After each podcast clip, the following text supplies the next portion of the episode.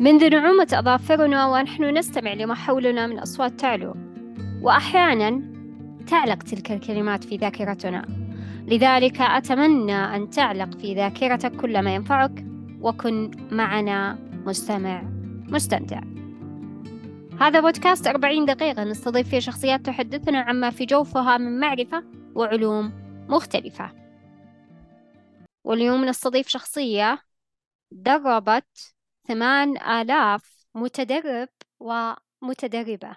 لذلك دعونا نتعرف معه عن التخطيط الشخصي. أهلا أهلا أستاذ سامي. أهلا وسهلا وشاكر ومقدر لك أختي إيمان على استضافتي في هذا البرنامج بودكاست 40 دقيقة. ويسعدني بإذن تعالى أن أشارككم في هذا اللقاء من خلال الحديث عن التخطيط الشخصي وأتمنى يكون لي دور حقيقة في زيادة الوعي بين أفراد المجتمع آه، عن أهمية وأثر آه، التميز والإنجاز آه، من خلال تحقيق الأهداف المنطلق بإذن الله تعالى من الخط التخطيط الشخصي. وحنا أسعد بتواجدك أستاذ سامي. وكذلك عرف المستمعين عن نفسك. أخوكم سامي بن أحمد الحمدان خريج جامعة الإمام محمد بن سعود. كلية أصول الدين قسم العقيدة والمذاهب المعاصرة. كوتش ومدرب في مجال التخطيط الشخصي الاستراتيجي بالذات يعني التخطيط الاستراتيجي وإلا يعني عندي دورات أخرى ولكن مركز على هذا الموضوع منذ فترة قديمة يعني كنت معلما ثم مشرفا والآن رئيس المركز الوطني للتطوير المهني آه، التعليمي بإدارة التعليم محافظه الغاط. ما شاء الله تبارك الله. الحين حنا حابين ندخل بهذا الموضوع آه اللي هو التخطيط الشخصي لكن آه ما هو التخطيط الشخصي بشكل عام؟ التخطيط الشخصي آه نستطيع يعني نكون يعني له عدة تعريف طبعا التخطيط الشخصي. باختصار هو وضع أهداف يعني محددة من قبل تتوافق مع الشخص. في برنامج عملي آه، قابل للتنفيذ. يعني وضع خطة زمنية محددة يعني آه، هذه البرامج قابلة للتنفيذ. يعني باختصار كان هو رسم صورة ذهنية للمستقبل اللي هو الهدف وتحديد خطوات وإجراءات التي بإذن الله تعالى تضمن للوصول إلى تحقيق ذلك الأهداف. نسميها باختصار نقدر نسميها خريطة الطريق أو خريطة الوصول إلى الأهداف. طيب آه يعني خريطة تعريف طبعا. في طبعا هي عبارات بعض الناس يعني يقول يعني هي رسم صورة آه، لأن طبعا قلنا رسم صورة أو صورة ذهنية لأن التخطيط ليس هو الواقع وإنما هو توقع. وإذا فرق كبير بين الواقع وبين التوقع آه، لأن كم شخص فعلا رسم له خطة جميلة وتوقع ثم اصطدم بالواقع الذي قد لم يتوافق معه. لذلك هو يعني خطة مستقبلية واضحة المستقبل يستطيع الشخص يحدد فيها يعني خطوات يعني العملية الفاعلة الوصول إلى تلك الأمنيات بإذن الله تعالى. طيب إذا هو آه، توقع للواقع لكن آه، مع السعي إليه صحيح؟ نعم فعلا السعي مهم جدا.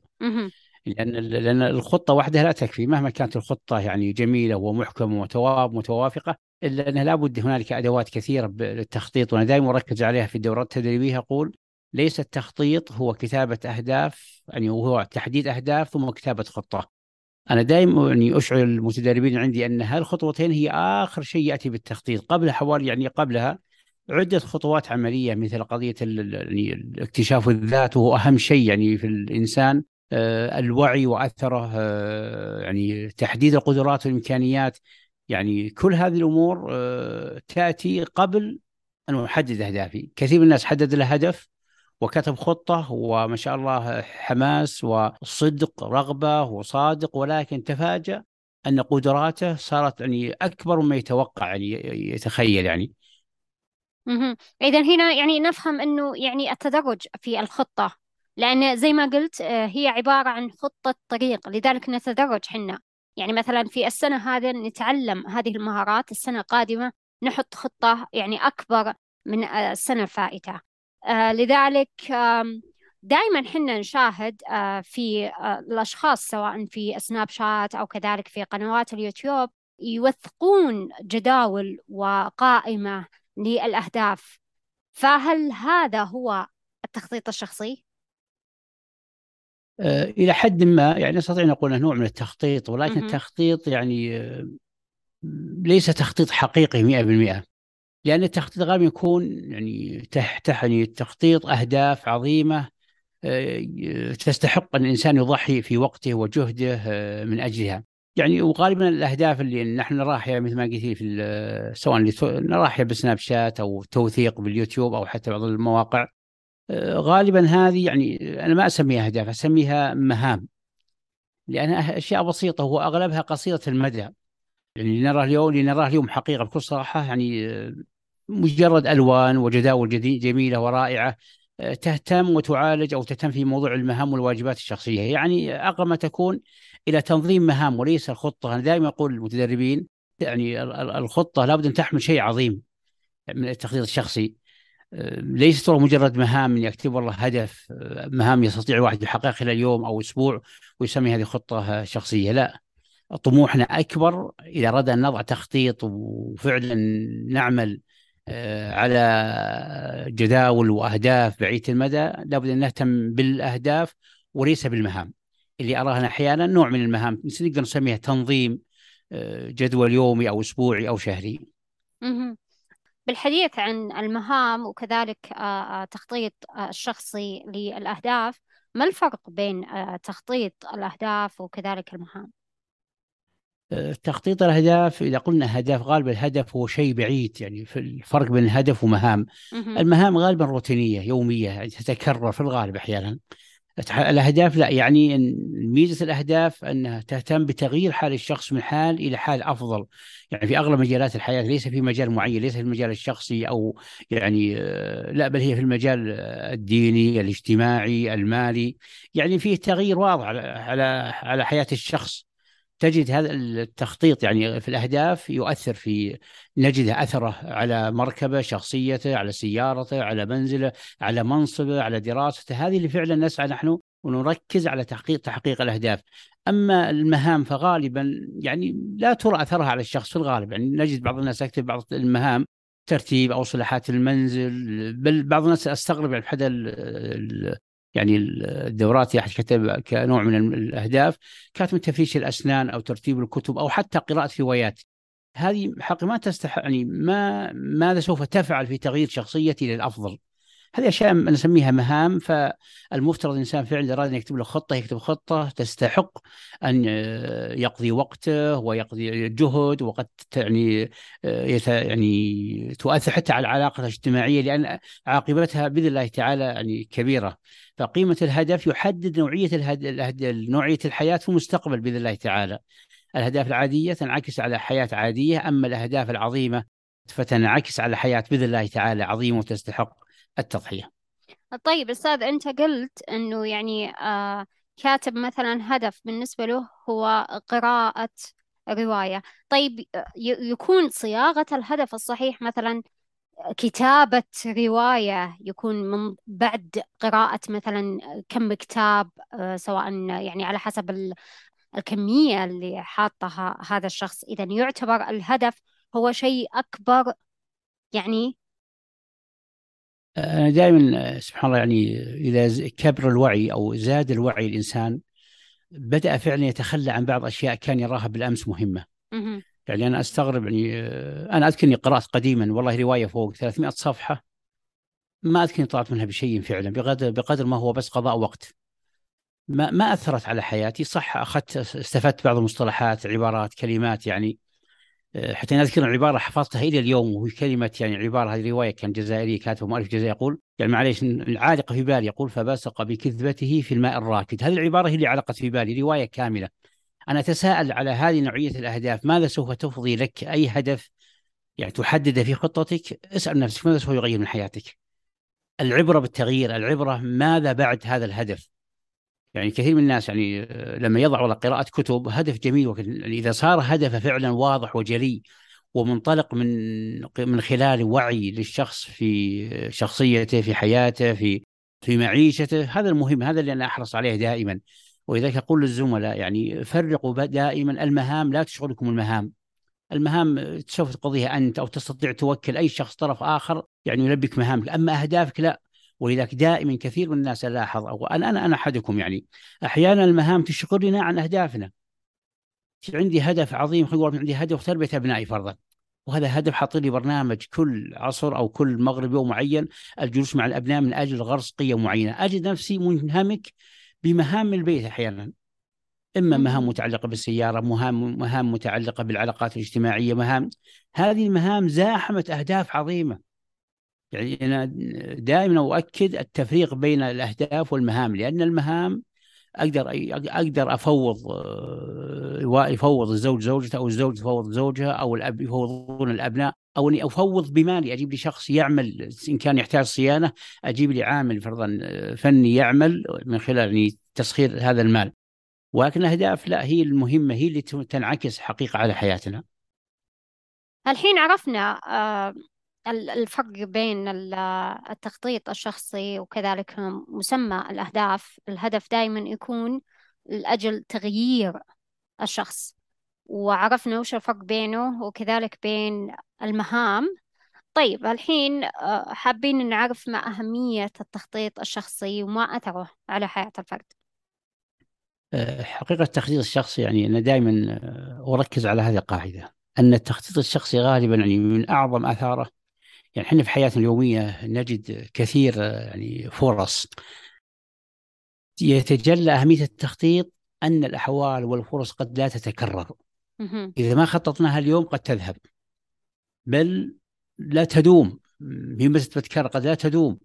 وفي غالب الأحيان قد تكون تنقلب إلى الاسوء يعني شخص الآن بصحة وسلامة ولا يخطط لصحته. فبعد كم سنة تضعف صحته يأتيها أمراض. فقد تنقلب فنتكلم التخطيط أن نستثمر تلك الإمكانيات وتلك الفرص لأن الصحة قد تتغير الفراغ قد الإنسان ينشغل المال قد يذهب إذا ما خطط له. العلاقات الاجتماعية يعني إذا الإنسان لم يستثمر استثمار جيد سوف بل حتى الوعي أحيانا. إنسان قد يكون فعلا في مرحلة من عمره لديه وعي ومنتبه ومركز. قد يأتي فترة ياتي معليش يعني غفلة في حياته. لذلك دائما نقول أن الأحوال والفرص قد لا تتكرر. لذلك تأتي أهمية التخطيط أن يستثمر تلك الفرص يستثمر تلك الأحوال يستثمر تلك المراحل في العمر يستثمر تلك العلاقات لشخص واعي يستطيع أن يكتبها ويسجلها. كذلك التخطيط الشخصي يأتي اهميته من خلال أن التخطيط غالبا يصنع الفارق الحقيقي بين حياة الناس. لو تأملنا أغلب الناس اللي حولنا يعني ما شاء الله بتكبار تبارك الله وش اللي غير حياتهم؟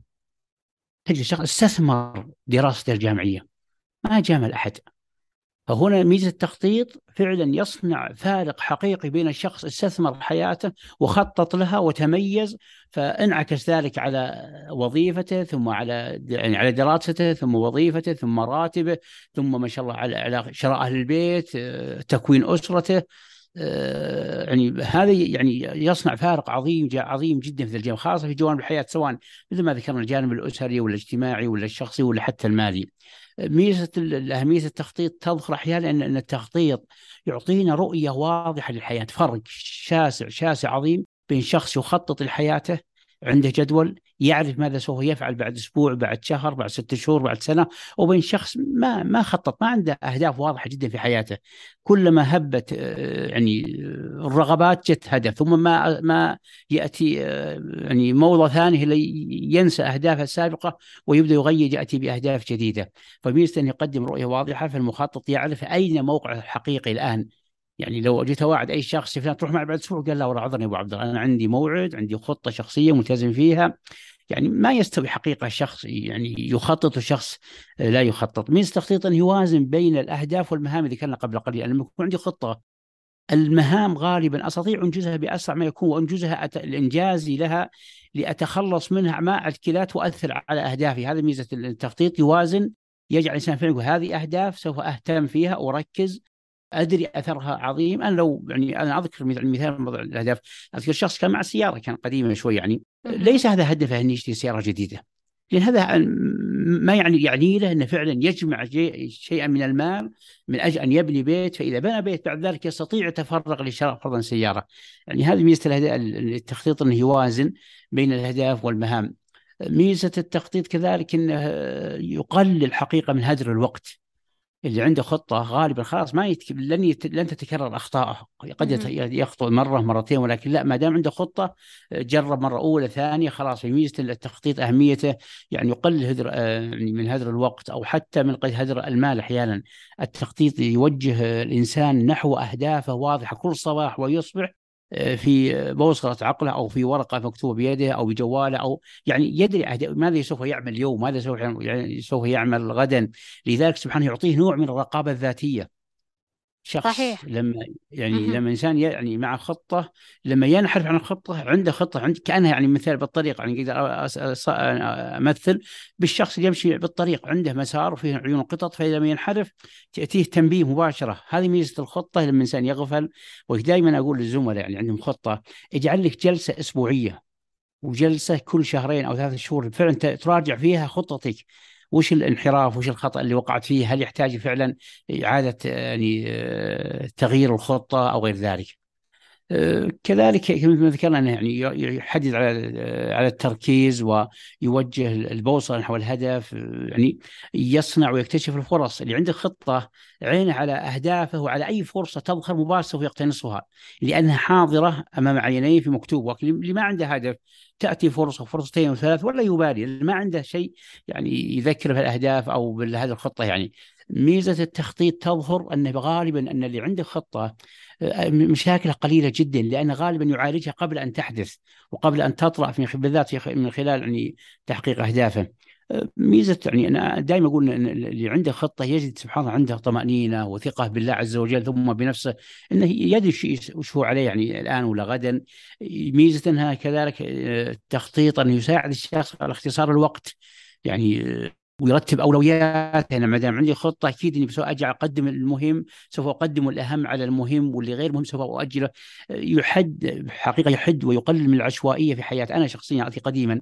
كنت أعيش في عشوائيه عندي أهداف كثيرة وعندي متغيرات عندي أصحاب يهتمون فاهتم اهتماماتهم ثم تغير ولكن لما تكون عندي خطة خلاص أبدأ عندي فلترة ذاتية مباشرة يقلل من تلك العشوائية بالذات في موضوع تحديد الأهداف.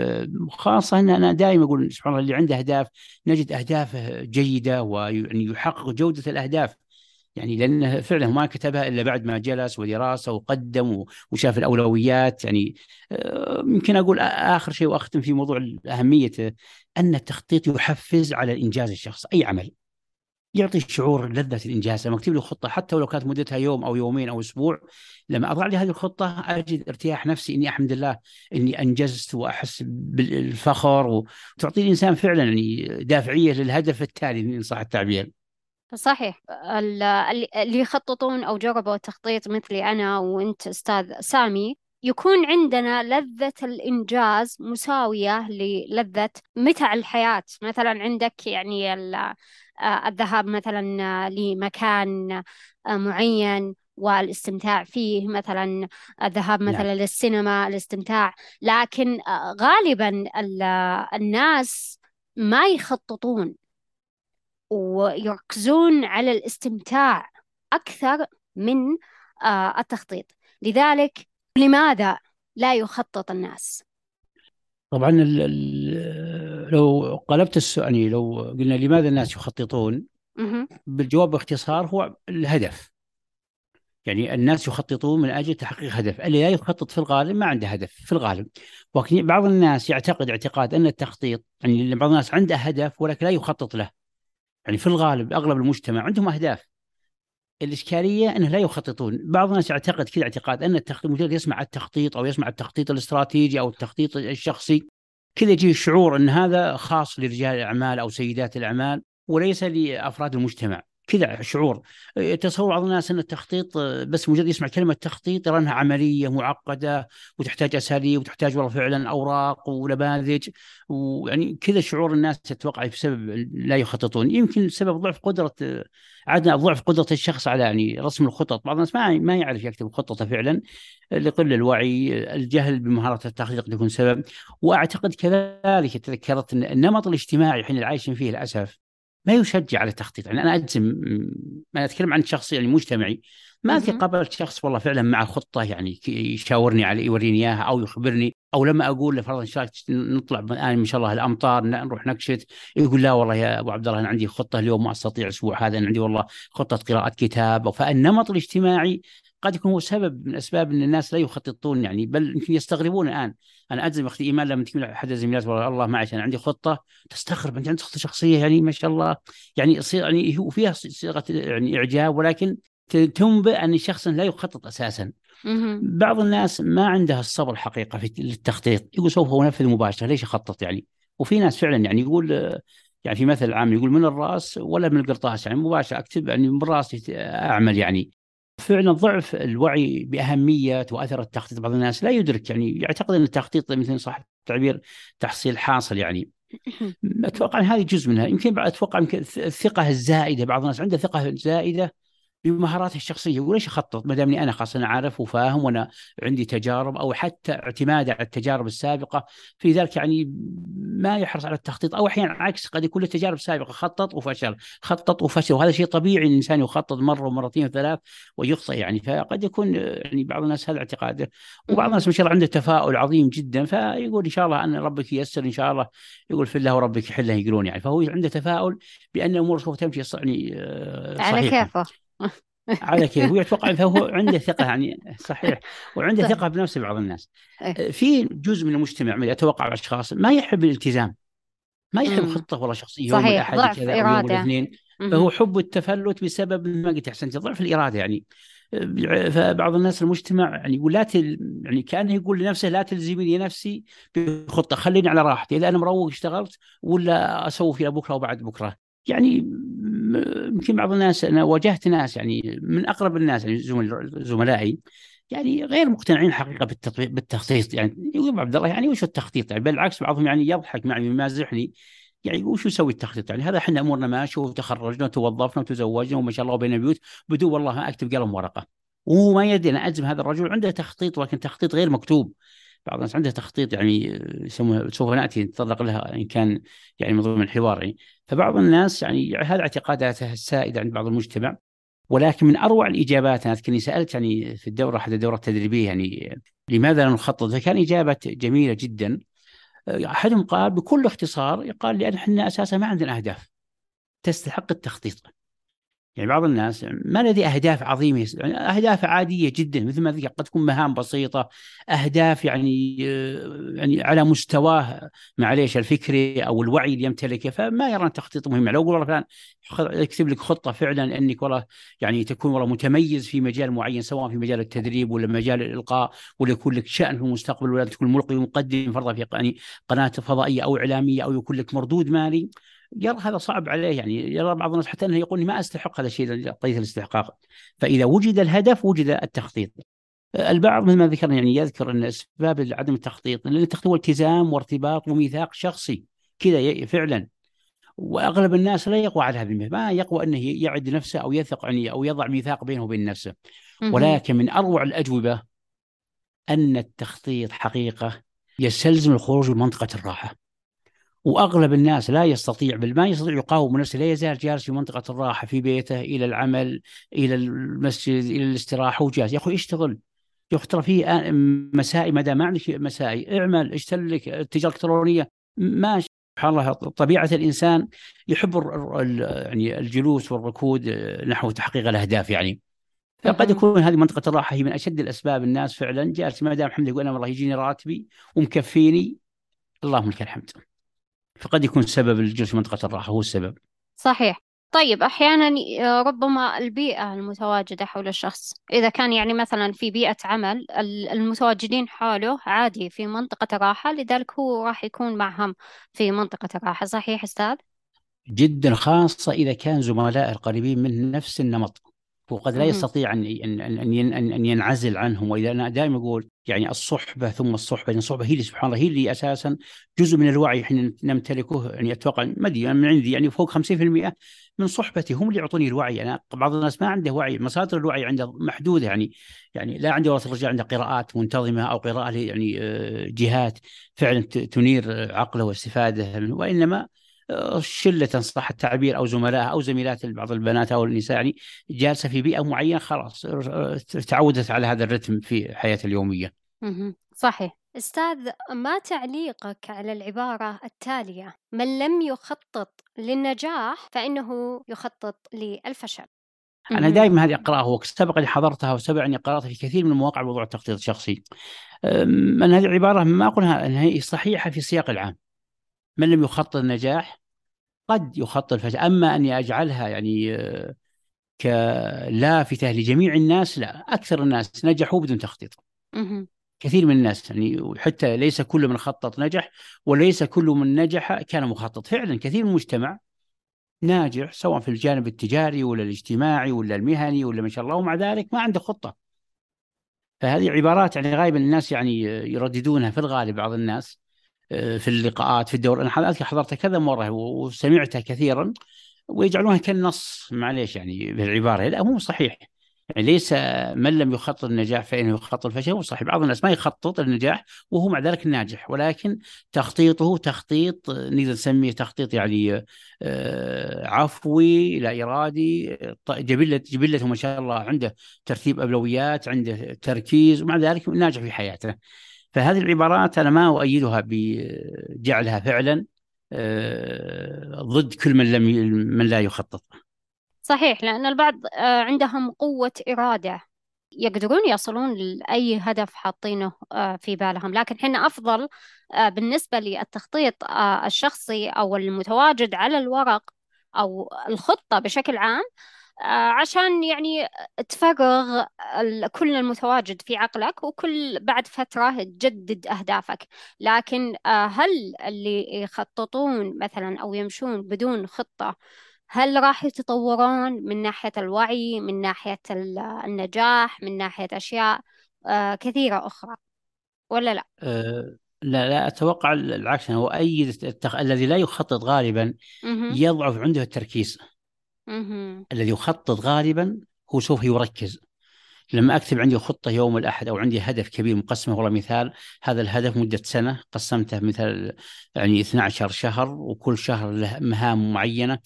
ما في شك سوف أكون مركز كل يوم أصبح كل يوم المساء يعني كل أسبوعين أشوف الخطة صح صح تم تم أجل غدا ثم تم. هذا التركيز هو هذا هذا الخطة الحقيقية. فعلا ميزة التخطيط أنه يزيد من قضية التركيز الشخصي لأهدافه. نعم اللي ما يخطط ينجح.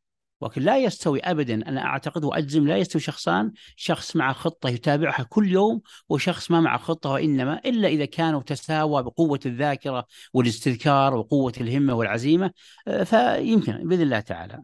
ولكن التخطيط ميزته يزيد من التركيز أكثر أكثر من ليس مع خطة. صحيح. طيب بل اني آه تذكرت أذكر عفوا أذكر قراءة مرة قرأتها مرة يقول الشخص اللي عنده أهداف إذا صارت أهدافه موجودة في ذهنه فغالبا يحققها بنسبة يعني ذكروا كذا بنسبة 50% اللي عنده أهداف مكتوبة ترتفع إلى 60% اللي عنده أهداف مكتوبة ومؤرخة من وإلى تزيد يحو 80% فالتسلسل هذا فعلا يجعل الإنسان يركز أكثر على أهدافه. آه طيب أستاذ آه بما إننا الآن تحدثنا عن آه أشياء كثيرة عن التخطيط الشخصي لكن حابين نعرف هل هناك أنواع للتخطيط الشخصي؟ التخطيط غالبا يعني في مصطلحات كثيرة أقرأها وأسمعها يعني ولكن أنا اجتهاد من عندي يعني في تخطيط عفوي وهو اللي يتكلم عنه دائما الناجحون في الحياة غالبا لديهم تخطيط عفوي صح ما عنده لا قلم ولا ورقة ما عنده والله فعلا يعني جدول محدد فيه الأهداف ما عنده مؤشرات آه، يعني أهدافه وإنما شيء يسمى تخطيط عفوي وهو يعني آه، سبحان الله الإنسان يعرف ما يجب عليه فعله الآن ويعرف يدرك وفق مهاراته وإمكانياته وذا كله من أجل تحقيق أهدافه. يعني هذا يعني بدون ورقة وبدون قلم بدون خطة مستقبلية. يسمى أنا أسميها تخطيط عفوي وهذا كثير كثير في المجتمع. بل أغلبنا وأغلب المجتمع يخطط ولكن تخطيط عفوي بدون قلم بدون ورقة. يعني بعضهم يسميه التخطيط التقليدي يعني يمارسون الناس يعني صح يحتاج إلى أدوات مثل قوة الذاكرة والتركيز آه، الفهم الاستذكار يعني آه، هذه الأشياء هي تساعد الشخص يعني غالبا يعتمد هذا التخطيط العفوي على اقتناص الفرص والأهداف المتسلسلة يعني الآن لو أخذنا يعني لو أخذنا مثال أي شخص دكتور في الجامعة لو سالنا أخذنا معه لقاء يعني أنا اجزم لو سالك هل أنت خططت الدكتوراه؟ بيقول لي لا والله الحقيقة ما خططت لها كتخطيط يوم إني الثانوي والجامعة لا. ولكن جت أهداف متسلسلة. تخرج من الثانوي امتياز وجدت فرصة انه قبل في الجامعة جت فرصة. ثم يوم درس في الجامعة بدأت بيئة المجتمع الجامعي والدكاترة يبدأ يفكر بالدكتوراه. ثم لما أخذت معدل ممتاز ثم السنة الثانية ثم الثالثة هنا غالبا تسمى أفكار أو تسمى أهداف متسلسلة. هو الآن ما ما خطط إنه ياخذ يعني دكتور بل كثير من الناس أحيانا عما لو رأينا بعض الأشخاص يعني آه، متخرج من مجال سواء مجال شرعي ولا أدبي ولا حتى علمي ثم مجال لأن هو فيه ما له علاقة بالتخصص ابدا. لو سألناه يقول لا جتني فرصة. أنا ما كنت أبد ما خططت إني أكون رجل أعمال ولكني تخرجت فرضا من كلية شريعة ثم درست ثم صار لي والله راتب ثم بديت أشتغل. ثم جيت فرصة مجال في التجارة فاشتغلت فيها فمباشرة يعني آه، قدمت التقاعد المبكر واشتغلت بالتجارة وأنا الحمد لله أملك يعني ما شاء الله أبراج. فهنا تأتي الافكار تأتي هنا نوع التخطيط هذا يسمى تخطيط التسلسل في حينه. يعني كل ما جت فرصة يبدأ يعني بتفكير سريع يخطط لها تخطيط ذهني يعني. آه، طبعا يتفاوت الناس على بهذا المجال على حسب يعني قدراتهم الشخصية يعني. آه، في نوع ثاني يسمى التخطيط. طبعا المنظم يسمى أحيانا بالتخطيط الشخصي أو التخطيط الشخصي الاستراتيجي أو بعضهم يسميه التخطيط الشخصي الفعال وهذا غالبا فعلا يمارسه طبعا قلة من الناس. يتطلب تفكير عميق يتطلب إبداع في التفكير يتطلب كتابة خطط يتطلب آه، قراءة يعني استلهام للمستقبل طبعا هو أسلوب جميل جميل ولكن غالبا إنه معقد بمعنى أنه ينبني على خطط بعيدة المدى. وخطط بعيده المدى غير مضمونة في الغالب. يعني آه، بالذات يعني قصيرة المدى سهلة جدا. يعني التخطيط الفعال قد إنسان شخص ما شاء الله مخطط 100% وتخطيط جميل وفعال وبل وعرض خطته على أشخاص خبراء ثم يتفاجأ. يعني بعيد المدى خلينا مدة ثلاث سنوات ثم خلال سنتين يأتي قرار حكومي يلغي كل ما كان يخطط فيه. أنا مثل أفكر أنا كنت من أول يعني كنت مقدم على التخ... على الماجستير. وفعلا كانت في بالي ومتحمس لها جدا. خلال عام 43 عام ما أذكر أو عام 42 أعتقد حول سنة جاء قرار أنه من تجاوز ال 40 ما يحق له يعني إكمال الماجستير عن طريق الانتداب من من قبل الوزارة يعني. وزارة التعليم. فهنا أحيانا إشكالية التخطيط الفعال هذا يعني لو أخذنا أنواع من أنواعه اللي هو قصير ومتوسط المدى وبعيد المدى إن أغلب يعني يقولوا يقال في الدراسات طبعا ان, نسبه يعني النجاح بعيد المدى 30% وجزء منه يفشل. لأنه تنبؤ بمستقبل ما تعرف أنت. يعني صح أنا أنا أنا في 1444 قد أتنبأ وعندي معطيات ولكن ما الأحوال أحيانا يعني ليست بيدي يعني بالذات متعلقة بأمور الدول وغير ذلك. ولكن أجمله حقيقة لأن أؤمن فيه قصير المدى جميل. أن تستطيع أنك تنظر أهدافك يعني هدفك بعد أسبوع بعد شهر في الغالب أدواته بيدك ممكنة. الحصول عليها التغيرات قليلة جدا. فهذه تقريبا من أنواع التخطيط الشخصي يعني من جهة تخطيط عفوي وتخطيط قد يكون منظم والثاني هو تم تخطيط قصير المدى ومتوسط المدى وبعيد المدى وكل واحد له إيجابيات وسلبيات. يعني بعيد المدى من أعظم عيوبه إنه الانسان يتنبأ بشيء قد لا يتحقق. نعم. آه، تخطيط عفوي تخطيط منظم وتخطيط قصير المدى وكذلك تخطيط طويل المدى. هذه نعم. هي أنواع التخطيط. أستاذ آه، ما هو أفضل أنواع التخطيط من بين آه، الأنواع اللي ذكرتها؟ التخطيط العفوي التخطيط المنظم أو القصير أو الطويل؟ التحديد بالضبط ما استطيع أحدد ولكن غالبا على حسب همة وقوة وإرادة الشخص اللي سوف يخطط. ولكن أغلب الناس ينجح مع قصير المدى إذا اردنا نقسم بين الثلاثة. ينجح مع قصير المدى لأنه يمتلك مثل ما ذكرنا ويعرف المتغيرات القريبة. أنا الآن أعرف ماذا سوف يحصل لي بكرة أو أو بعد أسبوع أو إلى حد بعيد لحد مد كشهر. أما بعيد المدى فغالبا المتغيرات متفاجئة ولا يحسب لها أي حسبان في الناس في الغالب. أنا أفضل يعني أغلب الناس أشوف لما أسألهم يعني نسبة تذكر آه، فوق 45% آه، يؤيدون التخطيط الشهري. وأثره جميل وميزته حتى يعني آه، التخطيط هذا إنه غالبا يجدد الحماس ويجدد يعني كل ما أنجز هدف شهر هدف اللي بعده الثاني يعطي أما غالبا بعيد المدى يصيب الإنسان بالإحباط. يعني أحيانا الإنسان يحتاج إلى جرعات يعني تحفيزيا صح التعبير. يعني آه، كل شهر هدف فعلا يسوي إنجاز. أما فأنا أعتقد إن أفضل شيء اللي هو. يعني قصير المدى. ويستطيع طيب. الإنسان يأخذ هد... الهدف هذا بعيد المدى ويقسمه إلى أهداف صغيرة يعني يستطيع يكون في الغالب ذكرنا أن الخوف إني لما أبدأ بهدف بعيد المدى ثلاث سنوات أشتغل السنة الأولى حماس حماس ما يمدي أبدأ أبدأ بالثانية أو قبل انت اذا تتغير الأحوال أحيانا والقرارات. طيب ما بين التخطيط العفوي والتخطيط المنظم أيهما أفضل؟ اللي يستطيع أنه منظم ما في شك. أنا ذكرت لك يعني أن ميزة التخطيط المنظم يزيد من قضية التركيز. فرق؟ يعني ما ما أنا اجزم يعني التخطيط العفوي غالب المجتمع. يخططون تخطيط عفوي. غالبهم ما عندهم أوراق أو عندهم أوراق مكتوبة يعني كمذكرات داخلية. يعني لا تنسى كذا لا تنسى كذا. وإذا أنت كتب عليها تم. ولكن فرق لا يستوي ابدا بين معي خطة كاتب لي هدف واضح هدف ذكي محدد البداية ومحدد النهاية آه، هدف فيه مؤشرات الإنجاز آه، لا ما أتوقع التخطيط يعني المنظم أفضل بكثير. ولله الحمد الآن في يعني مذكرات كثيرة جدا يعني ان تباع في المكتبات يعني من ضمنها يعني وهي جميلة جدا مذكرة أعتقد اسمها إنجاز. مسهلة لهذا الشيء. يستطيع الإنسان يعني المشكلة دائما أقول ليست المشكلة في التخطيط تذكرت يعني. ليست مشكلتنا أي مشكلتنا في قضية تحديد الأهداف وآلية الوصول إلى الهدف. هذه اللي إحنا فعلا أغلب الناس يعني أهدافهم جميلة رائعة وتستحق التخطيط ولكن آلية الوصول إلى الهدف هي المشكلة. حلو. نعم إذا إذا يعني لازم الواحد يكتشف نفسه عشان يحط الأهداف والتخطيط يعني يستخدم الأنواع المتواجدة على حسب يعني الهدف نوع الهدف آه هدف شهري نعم. ولا هدف آه سنوي آه صحيح. طيب آه ما هو التوقيت المناسب للتخطيط الشخصي؟ أتوقع ما في وقت محدد يعني يعني كوقت معين لا أنا بل أعتقد هي مرتبطة آه، توقيت التخطيط بيقظة الإنسان ووعيه أنا أجزم بعض الناس جاء طلع في باله بعد صلاة العصر آه، إني يكتب خطته ويبدأ يبدأ ما عنده مشكلة. يوم الاثنين يوم الخميس يوم ما عنده أي إشكالية. نعم البدايات يعني بدايات السنة والعوام هي محفزة للناس ومشجعة للناس غالبا.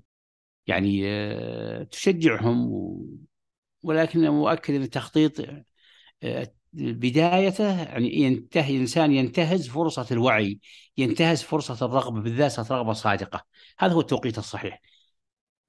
حلو إجابة جدا مميزة صراحة لأن البعض يؤجل مسألة الأهداف والتخطيط آه، إلى بداية السنة فهذه هذه من الأشياء بل, بل عفوا أختي أحيانا بعض فضل. الناس ترى يعني أنا الآن اليوم متحمس وفعلا فإذا أجلت بعدين أو أو علقتها بحدث معين آه، يفتر الإنسان ويضيع أهدافه. صحيح صحيح. آه الحين آه حنا تكلمنا عن التوقيت المناسب آه للتخطيط الشخصي. لكن لماذا ارتبط مسمى التخطيط الشخصي مع بداية كل عام جديد؟ والله أنا أتوقع يعني آه، اللي أقرأ من يعني بالذات في تويتر ومتابعات يعني أغلب الناس أتوقع سببين اولى هبة المجتمع يعني مع بداية كل سنة يعني آه، نشر السنابات المقاطع الإعلانات إعلان الدورات التدريبية هذه كلها غالبا تشجع الناس على يعني التقليد الإيجابي اسميه نحو التخطيط نحو بداية التخطيط في واحد واحد يعني 1444 أو عام 2000 واحد واحد عام 2023 فأتوقع هبة المجتمع الإيجابي هذه والثقافة آه، هي ارتبطت الناس فيها. وفي بعض الناس يعني سبحان الله جبل الإنسان على تعليق بعض الأمور على أشياء معنوية.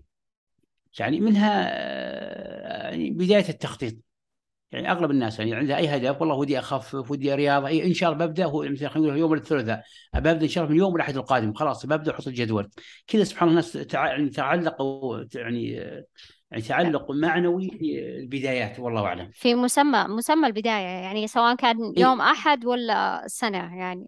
لكن بالغالب بالغالب آه، مثل هذه الشخصيات هل تبدأ ولا خلاص يعني يروح الهدف عنها لأنها وضعت هذا الهدف آه، مثل تخطيط عفوي. فيذهب صحيح؟ نعم إذا ما أنا إذا هو سبحان الله اللي يخليه فعلا الإنسان يبدأ هي صدق الرغبة. إذا إنسان وجد يعني جالس مع نفسه صار عنده وعي ورأى بالذات الناس غيره تحركوا وأنجزوا وحققوا أهدافهم. يأتي الإنسان يحاسب نفسه حساب يعني آه، يا إما من جانب الغيرة أن فلان وفلانة ما شاء الله اللي تميزوا أو أن أحيانا فعلا يجد نفسه أنه, إنه ملزم إلزام يعني بينه وبين نفسه إنه يبدأ بأي بتحقيق أهدافه يعني.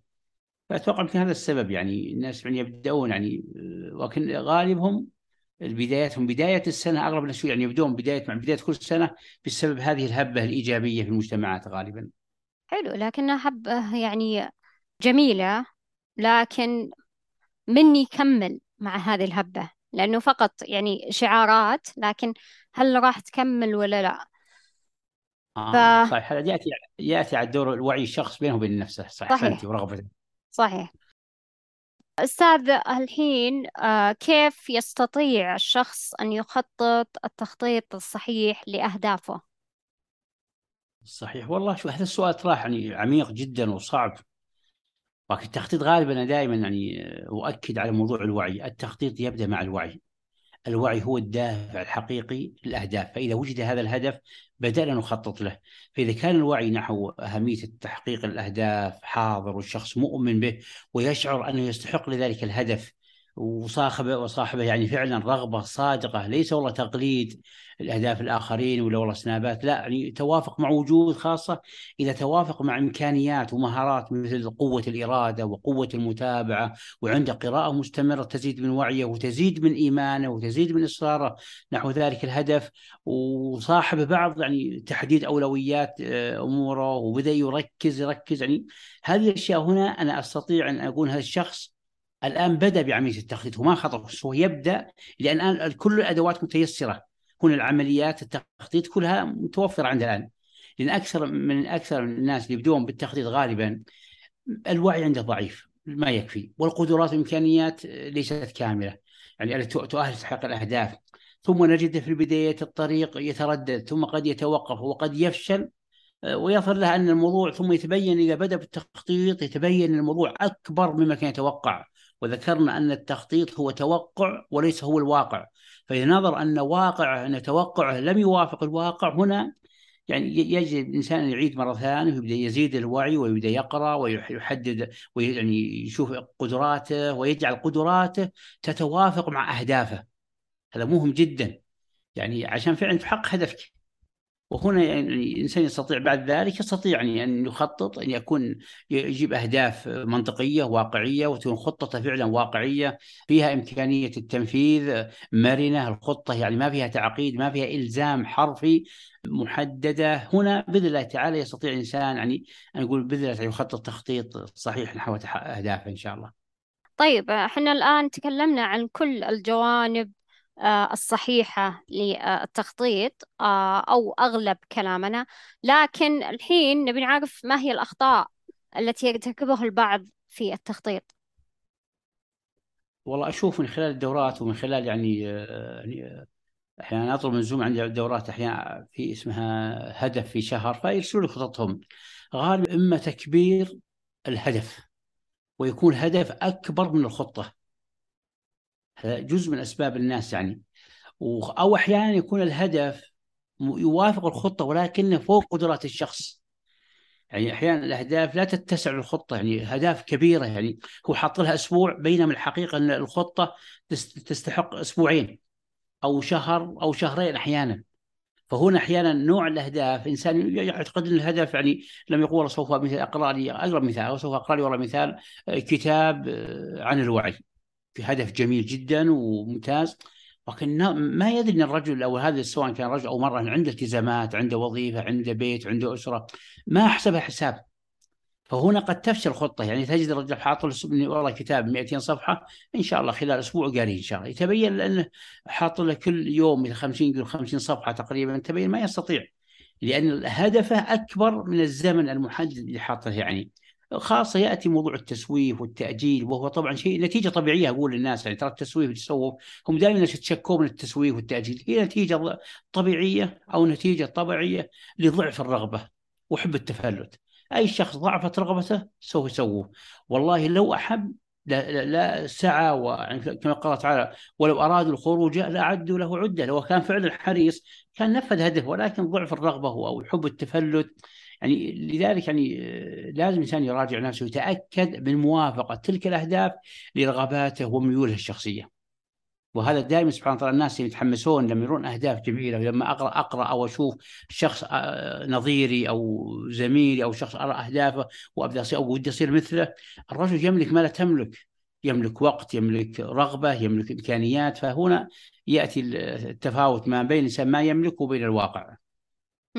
صحيح لابد إن الشخص يضع له أهداف آه، بناء على آه، زي ما قلت أنت مسبقا هي هو عبارة هذه الأهداف أو هذا التخطيط هو عبارة عن خطة الطريق. إذا أنت تعرف حالك تعرف وضعك وتعرف وش الأهداف المناسبة لك وكذلك التوقيت حتى لا تقع في مثل آه هذه الأخطاء مثلا التسويف وكذلك أنه يكون هذا الهدف أكبر من قدرة هذا الشخص جميل. فما يقدر أنه يحقق هذه الأهداف وبالتالي أنه يعني يبتعد حتى عن مسمى الأهداف ومسمى كذلك التخطيط الشخصي صحيح أستاذ؟ عجيب صحيح لا صحيح جدا أنا كذا شخص أحيانا أو بعض الأخوات يشكون إلي يعني والله كتبنا الخطة ثم ما كملناها فاقول لهم طبيعي جدا ترى.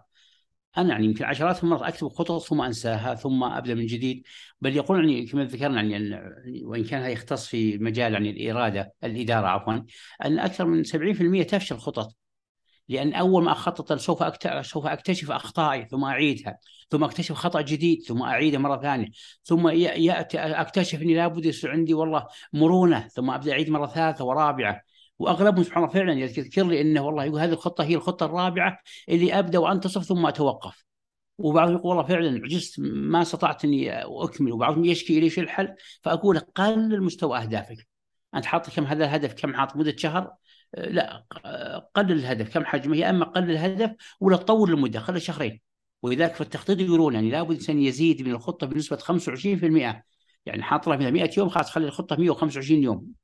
يعني فهذه غالبا تساعد الشخص يعني على أنه يعطيه دائما سبحان تقديراتنا في التخطيط تكون أقل من الحقيقة يعني ولذلك الوزارات عم أذكر أي مشروع إنشائي يعطونهم مدة زيادة يعني العقد مثل مدته مثل نقول 24 شهر لا خلوه 48 يعني شهر أو أحيانا 30 شهر لأنهم عندهم يقين أن هنالك عواقب وهنالك عراقيل آه، مختفية بين ظروف الحياة. صحيح. آه، أستاذ حنا عرفنا بالنسبة للمستمعين آه، كيف يخططون وما هو الفرق بين الأهداف وكذلك المهام عرفنا وش كذلك وش الأخطاء طيب بالنسبة لك أستاذ ماذا يعني التخطيط الشخصي؟ والله التخطيط لي يعني آه، من عام 1000 أذكر يعني اللي أذكره عام 1400 أذكره 19 بدأت عندي موضوع التخطيط الشخصي. وبديت يعني أبحث وأقرأ في موضوع تطوير الذات ومن ضمنها موضوع التخطيط ولكن ما كنت يعني أجعل له اهتمام. ولكن أدري أن التخطيط أحد الأدوات ولكن سبحان الله بعد فترة يعني آه، تبين لي آه، أن التخطيط هو الحقيقة قصة نجاح وتميز. سواء لي ولا غيري كل من يعني قاعد أقرأ أجد وراء أهدافهم شيء اسمه تخطيط. يعني أذكر مواقف كثيرة يعني حقيقة بالنسبة لي لولا التخطيط لما حققت تلك الإنجازات منها يعني الحمد لله أذكر يعني مثل تحقيق جائزة مثل الامير عبد الرحمن الستيري للتميز أذكر فعلا لولا أني ما خططت لها ولما سمعت عنها وقرأتها وأخذت. يعني اللائحة حقت المسابقة ما كان لي أنا حق ان يحقق تلك الجائزة التفوق العلمي في جائزة الأمير عبد الرحمن الستيري. ميزة التخطيط هي طبعا يزيد الشعور بأن هنالك شيء ينتظرك يعني في نهاية الطريق في نهاية خطتك يعني وهذا سبحان الله شعور من شعر فيه مرة ومرتين يجد له لذة. يعني سبحان الله اللي يجعل له خطة ويبدأ في حياته فيها والله متعة فيها لذة. سبحان الله تتحول العقبات إلى شيء من المتعة أحيانا. يعني لما إنسان يأتي عقبة فأقول أحيانا يعني مثل اللعبة الإلكترونية أحيانا. يعني أحيانا الإنسان لما يلعب يعني تأتيه عقبات شديدة فإذا تجاوزها سبحان الله نسى ذلك العقبة وحسنها شعور الإنجاز والتجاوز. يعني أنا أشبه التخطيط بهذا الشيء. ميزة التخطيط أو يعني أنه يزيد من الارتياح والرضا النفسي. أنك راضي حول نفسك عندك خطة تمشي على شيء مكتوب. يعني بإذن الله تعالى يعني آه، أنك تسير في هذه الحياة بشيء واضح لك أنت. أتوقع أن يعني لي أنا وغيري من الناس أنها كنوع من الأسباب الشرعية يعني آه، الإنسان يأخذ بالأسباب الشرعية ولا شك أن التخطيط من تلك الأسباب آه، أنا بالنسبة كان التخطيط تحول لي يعني مع هذه الأيام إلى شغف. يعني صرت والله فعلا أحب التخطيط حتى أني ذكرت اني حضرت أكثر من 35 دورة كلها في التخطيط. كنت أبحث عن شيء جديد. يعني أخذت دورات كثيرة جدا يعني بذكر اخذت دورة في الكويت ويعني غير اللي اخذناها أخذتها بالسعودية الكويت في مصر بعضها أغلبها عن بعد يعني في دولة عمان فكان هذه الدوره الدورات التدريبية جابت لي شغف وحرص على هذا الموضوع وإذا كان غالبا لا أقدم أساسا التخطيط الشخصي. يعني آه، كأنه يعني شغف أو هواية يمكن أقول هواية يعني. طيب حلو. إيه عندك عندي شعور عندي شعور سبحان الله يعني في موضوع التخطيط الشخصي. أنا والله أحس انه إنه أحد مسؤولياتي الاجتماعية ما أدري ليش. يعني أحس إني كأني أنا فعلا يعني أحرص على نشر الوعي.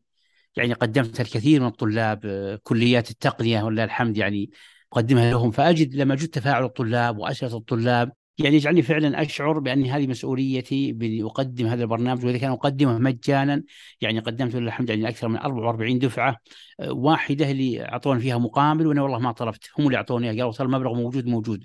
وإلى نقدمه مجانا ولله الحمد يعني يعني اقدمه للجهات الغير ربحية. فأنا احس انه جزء من مسؤوليتي يعني تقديم هذا الشخص هذا يعني باختصار آه، هو فرصة لي ولغيري الحقيقة التخطيط الاستدراك. ما فات من الفرص واستثمار ما بقي من العمر. ما يعني شاء الله دائما يعني أقول التخ... يعني يقول التخطيط دائما أضع عبارتين هذه العبارة هو استدراك ما فات واستثمار ما بقي من العمر يعني. ما شاء الله تبارك الله. أول شيء ألف مبروك هذه الإنجازات.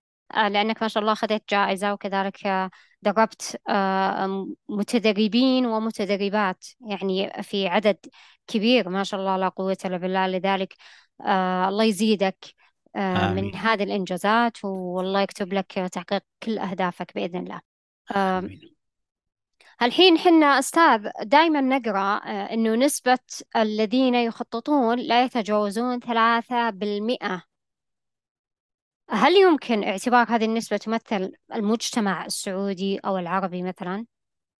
أنا حضرت دورات كثيرة وهم دائما يرددون العباره 3% بل أنا كنت بكل صراحة أنا أعترف إني كنت أقدمها بأول الأيام اقدمها ك يعني أحد شرائح آه، في التدريب أن نسبة الذين يخططون لا يتجاوز 3% العجيب إني بحثت مرة عن هالدراسة هذه وهي دراسة طبعا أذكرها وردت في أو إنها آه، يعني يقال إنها دراسة يعني أجريت على الحاصلين على اعتقد الماجستير في إدارة الأعمال من جامعة آه، هارفارد يعني والعجيب أن تاريخها قديم جدا عام 1979 تقريبا ميلادي فأنا أستغرب كيف الناس يعني يكررونها وهي آه، لا تمثلنا حقيقه يعني هي أقيمت لطلاب جامعة فليش الناس يعممون طلاب جامعة على مستوى جميع الأفراد يعني آه، هل الدراسة حقيقية؟ هل هي خرافة؟ هل هي بكل حقيقة يعني أنا أذكر بعض بعض الجهات بعض بعض ما أقول المتدربين أو مدربين عفوا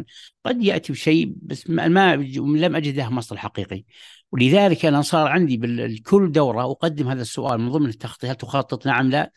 بالنسبة عندي أنا يعني أتكلم عن المتدربين اللي حوالي سبعة أو حوالي يعني 8000 وزيادة تقريبا.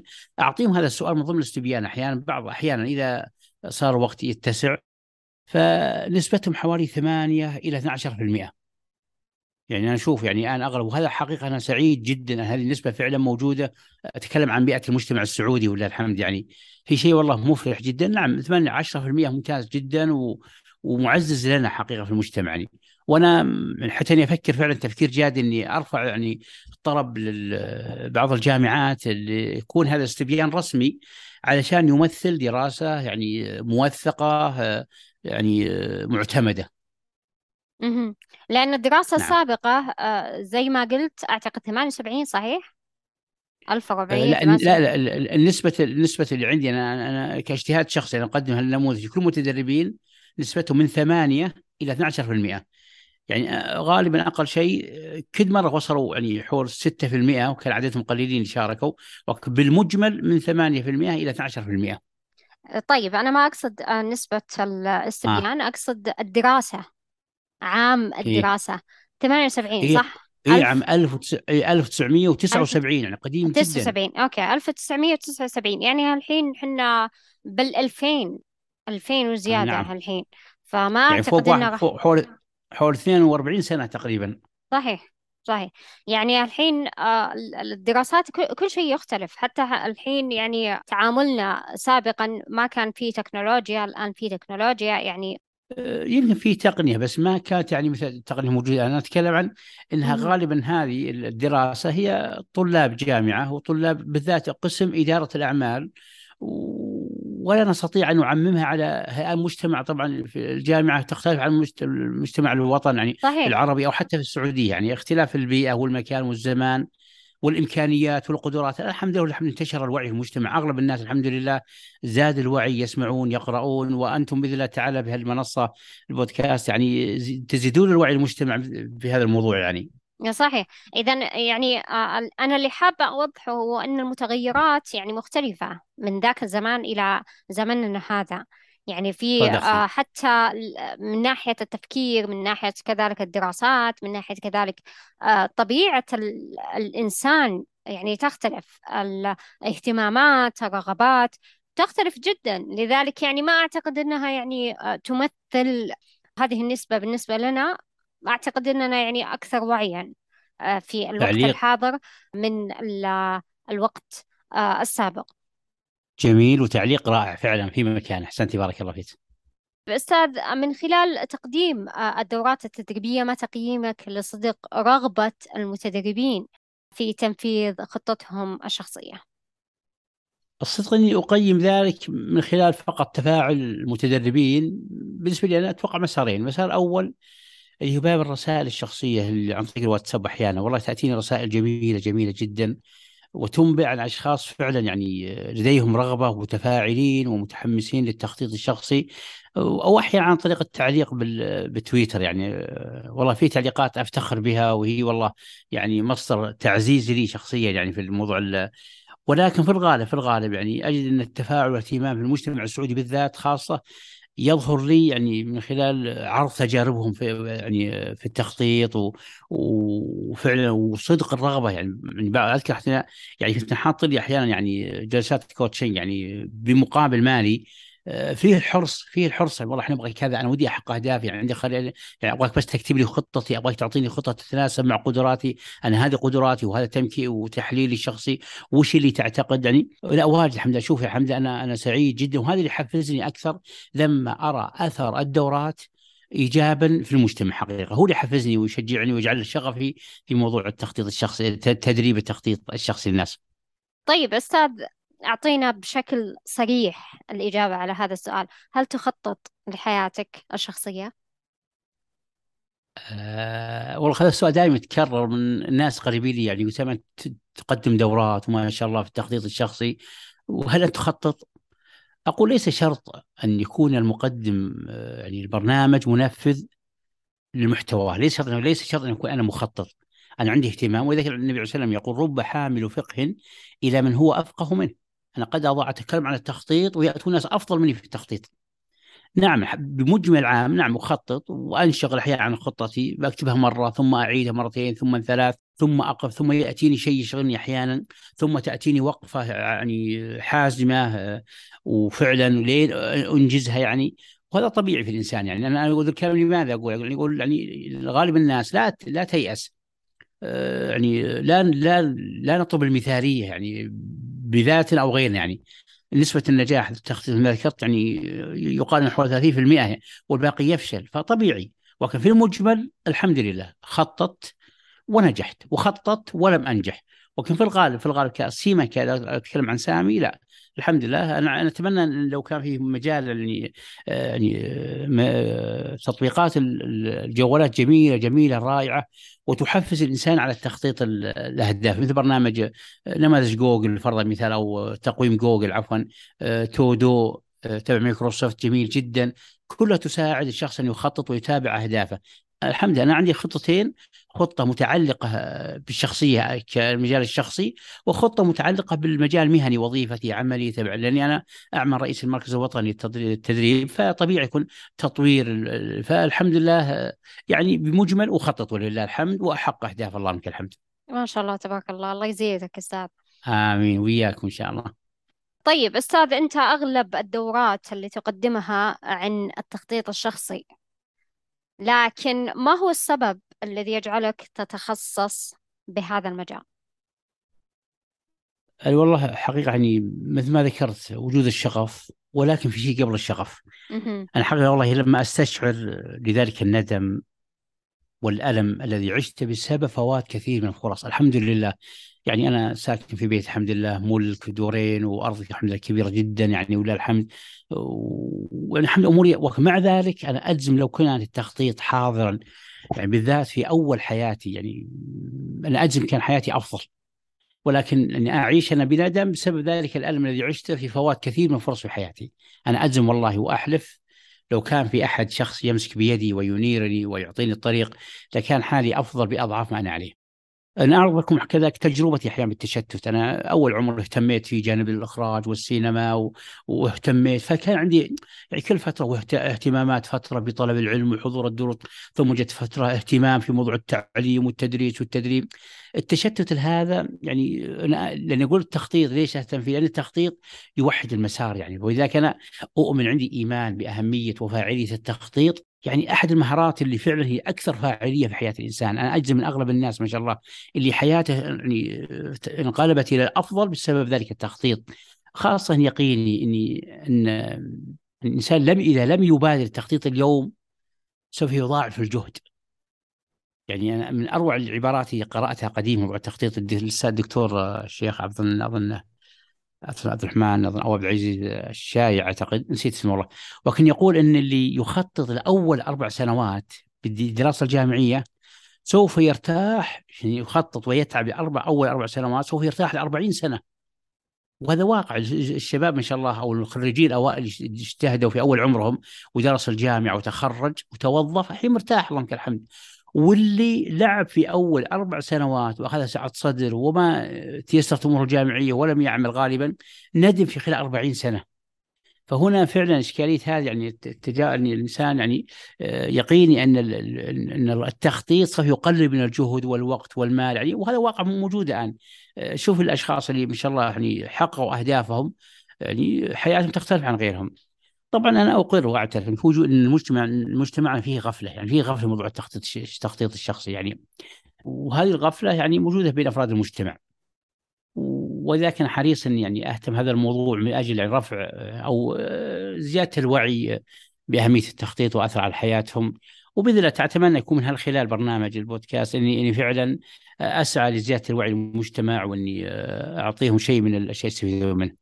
من الأشياء اللي فعلا لاحظتها الحقيقة يعني ضعف المحتوى الذي يقدم. أنا حضرت يعني دورات تدريبية والله وحزين والله لما أحضر بعض الدورات التدريبية وراني أشارك. يعني أستغرب من يعني الحقيقة الإشكالية بعض الدورات تقدم المحتوى مجرد معلومات. وأنا دائما أقول ان كوني رئيس مركز تدريب يعني الزملاء في إدارة التعليم المدرب المشرفين المدربين أقول يا أخوان أنتم لا تنقلون معلومات. أنتم تنقلون تجارب وخبرات. المعلومة توه اليوم المدرس يستطيع أو المعلم أو المتدرب يسمعها يجيب أفضل منها وبيانات وتواريخ وأرقام ودراسات عن طريق الإنترنت. وهو جالس في, في, في, قدامك يفتح الجوال يفتح جوجل ويبحث يجد أفضل مما سوف تقولها أنت. ولكن لا يستطيع يجدها الشخص هي التجارب. هي التجارب ذات الخبرة وهذا اللي يفرق وأنا حريص دائما في الموضوع التخطيط الشخصي إني أنقل شيء من التجارب سواء التجارب الشخصية أو تجارب الآخرين. يعني أنا حضرت دورات تحفز أنت تستطيع أنت قادر أنت وأنت وصدقناهم والله. بينما كله كلام يعني أنا أسميه وهم تحفيز للناس. وهذا اللي جعلني أقدم من الدورات يعني هذا الشيء الآخر إلى المجتمع.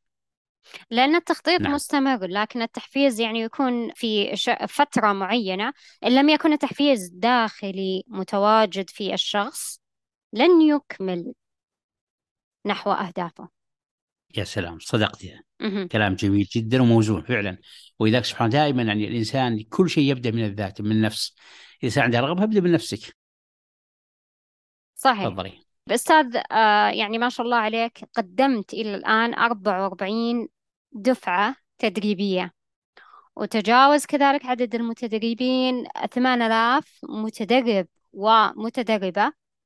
لكن آه، هنا حابين نعرف هل هناك فيه حدث أو آه، قصة شدت انتباهك؟ والله قبل يوم سألت هذا السؤال أنا حقيقة أنا وصلت 44 وحاط لي هدف ترى إني أصل إلى 100 لأني أذكر أنا أذكر أحد الدكاترة الزملاء يعني مهتم في التخطيط ويقول لما دربت آه، لما نفذت 100 دورة تدريبية ألفت كتابي. وعجبتني فكرته فعلا يعني تأليف الكتاب بعد الخبرة مهمة جدا. طيب آه، أنا صراحة يعني آه، هذا المواقف آه، أنا أولا أسعد وأفرح لما أحد يعني يتواصل أو يرسل لي شيء من يعني إنجازاتي في موضوع التخطيط. أنا ما أنسى ذاك اتصال حقيقي يعني اللي يعني اتصال كان أغلبه دعوات جميلة جدا ومشاعر صادقة. يعني ما ما احتسبت لها ابدا ولا فكرت فيها والله. أذكر كان هذا كان الكلام العام الماضي أو قبل العام. اتصلت علي أحد المتدربات مفعم بالمشاعر الفرح والسرور و... وأنا حقيقة منبهر ما أدري شو السالفة يعني باللهجة العامية يعني. ولكن ذكرت لي أنها كانت يعني قالت بكل صراحة أنا تذكرتك قبل حولي شهر وقلت بتصل عليك. قالت لي كنت أنا والله أعاني يعني معاناة اجتماعية عندي في معوقات اجتماعية الأسرة قلة ذات اليد ضعف الحيلة وكانت أموري. فيقول جاء عنوان هذا وقلت خليني أحضر الدوره أشوف تخطيط الشخصي. فما كنت أتوقع أبد يعني إن هذا التخطيط سوف يصنع فيني هذا التغيير يعني. يعني اخذت الدورة. وفعلا قرأت عن تطوير الذات وإنك ذكرت ان الواحد لابد أن يطور من مهاراته قبل أن يبدأ بأي برنامج تدريبي وهذا. يعني نوع من اكتشاف الذات اللي يبدأ فيه الإنسان يعني من أجل تحقيق آه، تحقيق أهدافه. وفعلا يعني آه، تقول أخذت دورات دورتين ثلاث أربع حتى يعني هي معها بكالوريوس ولكن ما ما تيسر لها أن تكون يعني تكون يعني معيدة بال أو تقبل في جامعة أو تكون معيدة أو حتى تكون في آه، أو تكون فعلا يعني تقبل في أي وظيفة. ولكن الحمد لله تيسرت أمور بعد ما اخذت حصلت الشهادات قبلت. فكانت فعلا بدأت آه، خططت تقول كنت متوقع إني حاط لي خطة حوالي تقول سنة وست شهور أو كذا. تفاجأت إني ما كمل سبع شهور إلا حققت ما كنت أتوقع ابدا. وفعلا ما شاء الله قبلت وصار لي موظف. ثم بنفس الوظيفة بديت أفكر ماجستير. سبحان الله أمور متسلسلة وبديت أفكر فيها وفعلا أخطط وأتكلم وأبحث مثل ما يعني آه، الواسطة واللي ما فيها ظلم الآخرين. فعلا ماجستير ثم الدكتوراه ثم سبحان تغيرت حالي. والله تسارع الأيام ما كنت أتخيل أبد إن هذا جزء من آثار اللي فعلا يعني بركة العمر والدعوات الصادقة واخرها هو التخطيط. يعني لأنه التخطيط ليس إلا السبب يعني. وتقول والله في لحظه تذكرت إنك أنت يعني صاحب الدورة ما تقول هي في قالت صاحب الفضل قلت والله ما لي فضل الفضل الله عز وجل وارادته فكان سبحان الله هذه الحدث والقصة هذه والله أثرت في نفسي يعني ما كنت أتوقع أبد أن يكون لي برنامج تدريبي يعني يؤثر أثر يعني في نفس المتدربين. ولذلك أنا سبحان الله كل ما تذكرت قصة هذه المراه يعني سبحان الله يتعسى الله وأنا دائما أقول سبحان الله أي لقاء أي دورة الإنسان ترى ما يستفيد منها كلها بالكامل يستفيد جزء نص يوافق شيء في عقله في باله فيبدأ يحرك فيه وعلين سبحان الله يحقق شيء آه، من آه، تلك الأهداف. يعني الحمد لله آه، أنا سعيد جدا لهذه الحدث ولهذه القصة اللي ما أنساها ابدا من هذه أحد اخوات المدربات. ما شاء الله تبارك الله يعني أنت عرفتها على أشياء معينة كانت محتاجتها ربما هي كانت عندها مواهب كثيرة لكنها كانت مدفونة بسبب ما تعرف وين الطريق. زي ما قلت أنت التخطيط الشخصي هو يعتبر خريطة طريق. لذلك يعني آه، يعطيك ألف عافية أستاذ على جهدك وعلى قدرتك آه، المستمرة على أنك تعطي للناس بدون مقابل. آه، لكن آه، بإذن لله. الله بإذن الله راح آه، يعني تلقى ثمرة هذا العطاء بإذن الله. بإذن الله تعالى إن شاء الله. الحين حنا تكلمنا عن أشياء كثيرة سواء من ناحية التخطيط وكذلك عن عنك أستاذ بشكل شخصي. ومن أجمل القصص اللي مرت علي في البودكاست بأنك غيرت شخصية واكتشفت فيها ربما جانب معين كان التخطيط الشخصي مساعد لها على تحقيق أهدافها مثل ما ذكرت في هذه القصة. لذلك دائما أستاذ نقرأ في الإعلانات التدريب عناوين يعني جميلة مثلا آه، مهارات التخطيط الشخصي آه، التخطيط الاستراتيجي الشخصي كذلك هندسة التخطيط الشخصي. والتخطيط الشخصي الفعال. لكن حنا حابين نعرف آه، هل هناك فرق بين هذه العناوين؟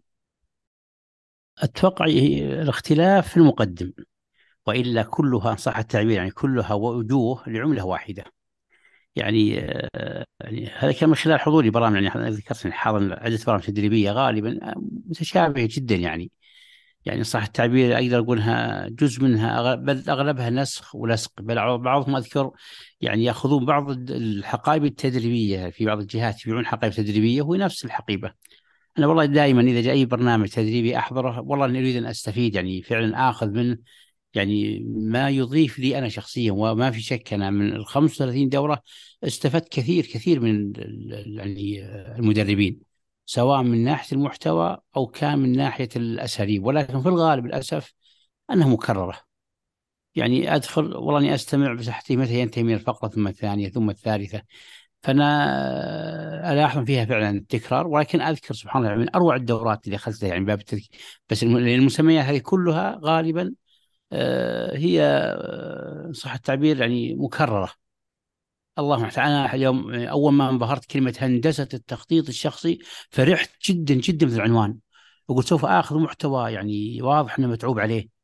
وتبين هو نفسه المحتوى اللي اخذت فيه التخطيط الشخصي ومهارات التخطيط الشخصي الاستراتيجي ونفسه مكرر تقريبا. يعني فقط الاختلاف في المسمى. الاختلاف المسمى نعم.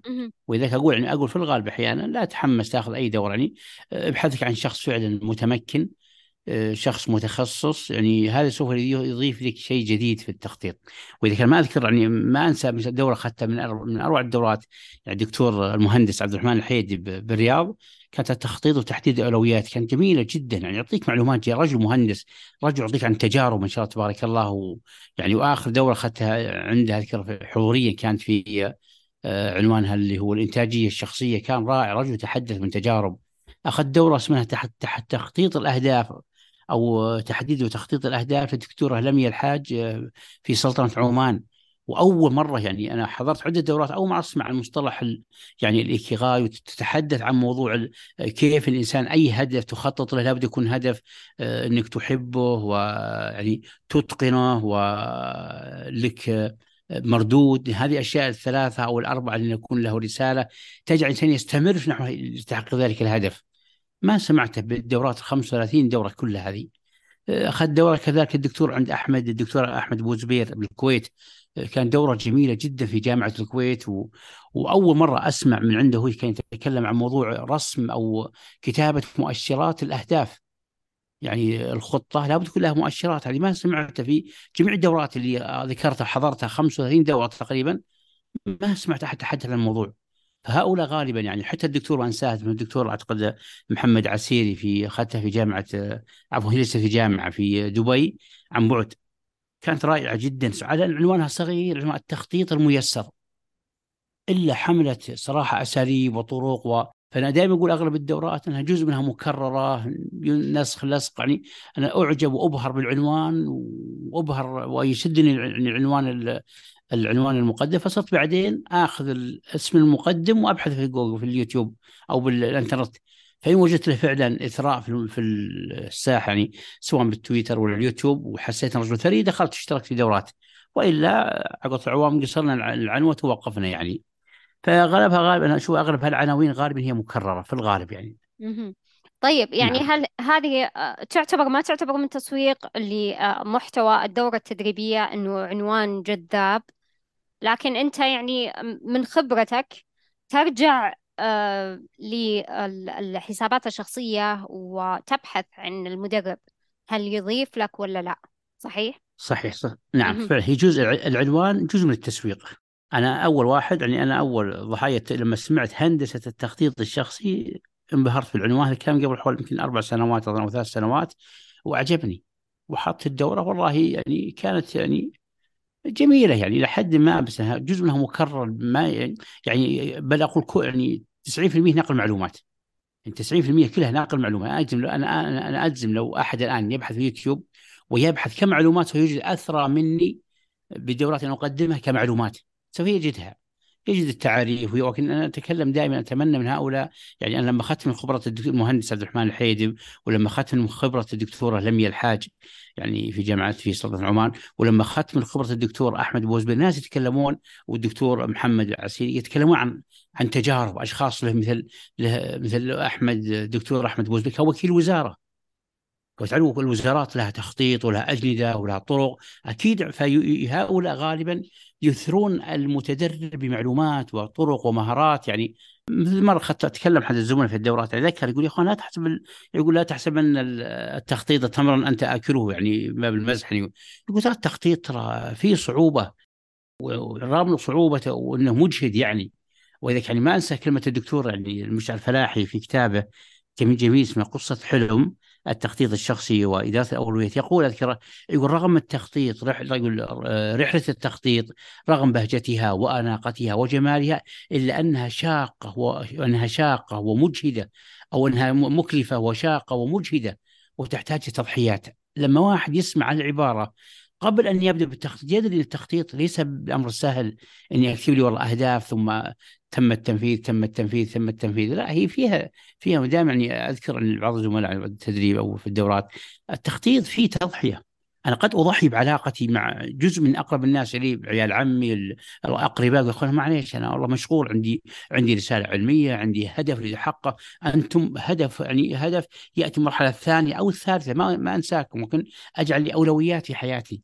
وكم من شخص يعني أنا في أنا أجزم أنا وانت وأن المستمعين يعني فقدوا أشخاص فجأة في كده ما. ثم بعد سنة وجد ما شاء الله في منصب كبير وجد ما شاء الله تغيرت حاله إيش؟ لأن تفرغ ضحى بعلاقاته الاجتماعية ضحى بجزء من الرفاهية وترفيه مقابل إنه يركز على حياته من أجل تحقيق أهداف دائما أقول كتبت من أجل أن تحقق يعني. صحيح صحيح. ولا بد أحيانا يعني آه، نضحي في كثير من الأشياء من ضمنها وقتنا. يعني لابد أن يكون عندنا يعني نوع من الأنانية داخلية لتحقيق أهدافنا. يعني الوقت ما, ما, ما نعطيه للكل. يعني في بعض الشخصيات يبونك أنك تنفذ بدالهم مهام مهام أو أحيانا يكون في بعض الشخصيات حابين إنهم يعني فقط سوالف يعني عادية ما هي حتى مثرية للعقل. فالواحد لازم يكون يعني عنده بعضا ما أقول إنه يعني كل بعض من الأنانية بحيث إنه يعني هذه تعتبر من لا. التضحيات إنك يعني تضحي أحيانا تبتعد عن أشياء معينة لأجل تحقيق أهدافك. لأنه زي ما قلنا زي ما قلت أستاذ إنه هي عبارة عن خريطة طريق فلا بد إنه إنك تلتزم بهذه الخريطة. وأحيانا يعني مجرد الالتفات لليمين أو الخروج عن هذه الخريطة لا لابد أنك ترجع مرة ثانية لخريطتك. لكن بنفس الوقت حنا نركز ونقول زي ما أنت ذكرت أستاذ لابد أن يكون عندك مرونة. برغم نعم. هذه الأشياء لابد أن يكون عندك مرونة حتى يعني تحقق أهدافك. صدقتي بس أودي أعلق على موضوع تحقيق الأهداف والأهداف. غالبا الأهداف يعني جزء منها ينشأ ترى من العلاقة الاجتماعية حين لما يكون لي زملاء وصحبة يعني يعني أنا أذكر يعني لو أردنا نضرب مثال يعني حقيقة شيء واقع يعني لو وجدنا مثال مثال سواء في بعض المدن وبعض المناطق نجد أهلها ما شاء الله مهتمين في التجارة. لا لشيء إلا أن بيئتهم الاجتماعية تحفز بعضهم بعض. فأحيانا ترى الصاحب وأنا دائما أؤكد عن هذا الكلام لأبنائي وطلابي في تدرس الطلاب قديما وحتى المدربين أن الصحبة هي أعظم ما يؤثر في حياتك. صحيح أنا غالبا صحيح. يعني الصحبه هو اللي يحفزك زي الصديق حتى لو ما تكلم لما أرى زميلي فعلا أخذ الماجستير ولا أخذ الدكتوراه هذا محفز لي داخلي. لما أرى زميلي ما شاء الله شرى سيارة جديدة تجيني سؤال متبادل منين المال؟ أكيد إنه يعمل بجد واجتهاد فيحفزني فالصحبة غالبا إذا لم يحفزك تحفيز مباشر ورجل يكون فعلا أو يعني فتاة زميلة صادقة ناصحة يعني يرشدك إلى بعض الأهداف اللي هي قد أنا لا أراها. يعني أذكر شخص يعني ما شاء الله تبارك الله يعني أذكر جاء عرض يعني سواليف فتبين لي ما شاء الله إنه مشترك مع بعض الزملاء في آه، استراحة شارين يعني تقاطوا في بناء استراحة وتأجير سنوي يقول مرتاح معطينها واحد ياخذ 10% أنا ما كنت أدري هذا هدف موجود. ففعلا جت عندي فكرة إني أخطط لهدف إني أقتص من راتبي جزء أجعله فعلا يعني أصل لبناء سواء استثماري أو والله يعني فلما الانسان يصاحب أشخاص واعيين أشخاص جادين بحياتهم يحفزني فعلا أجعل هذه الأشياء جزء من خطتي وأهدافي في المستقبل إن شاء الله. صحيح صحيح أنا من ناحية هذه هذه الصحبة الممتازة يسمونها واللي ترفعك من وعي إلى وعي آخر ما عندك أي إشكالية. لكن في بعض الشخصيات يعني يتواجدون من دون حتى أهداف من دون حتى خطط.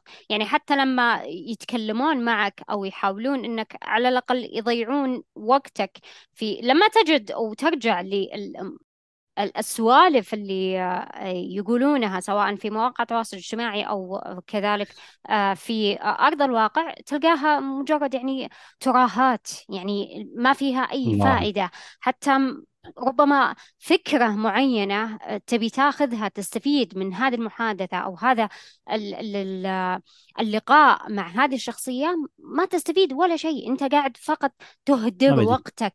أما بالنسبة للصحبة اللي أنت ذكرتها هذه من أفضل الصحبات. والله يكثرهم في حياتنا. الشخصيات صحيح. اللي يطلعون آه، أفكار أو يقولون أفكار حتى تلهمنا أننا آه، أحيانا نتجه لاتجاهات معينة. تزود دخلنا أو أحيانا تزود علاقاتنا أو أحيانا ترفعنا بالوعي. لذلك يعني دائما مثل ما قلت أستاذ أنت الصاحب ساحب وكذلك يعني لابد أننا ننتقي من حولنا من البيئة المتواجدة. حولنا خصوصا يعني من ناحية الأصدقاء. أما من ناحية يعني مسألة العوائل حنا الشخص ما يختار المكان الذي يتواجد فيه ما يختار كذلك عائلته لكن آه، يستطيع الاختيار بالنسبة للصحبة وبالنسبة للعلاقات.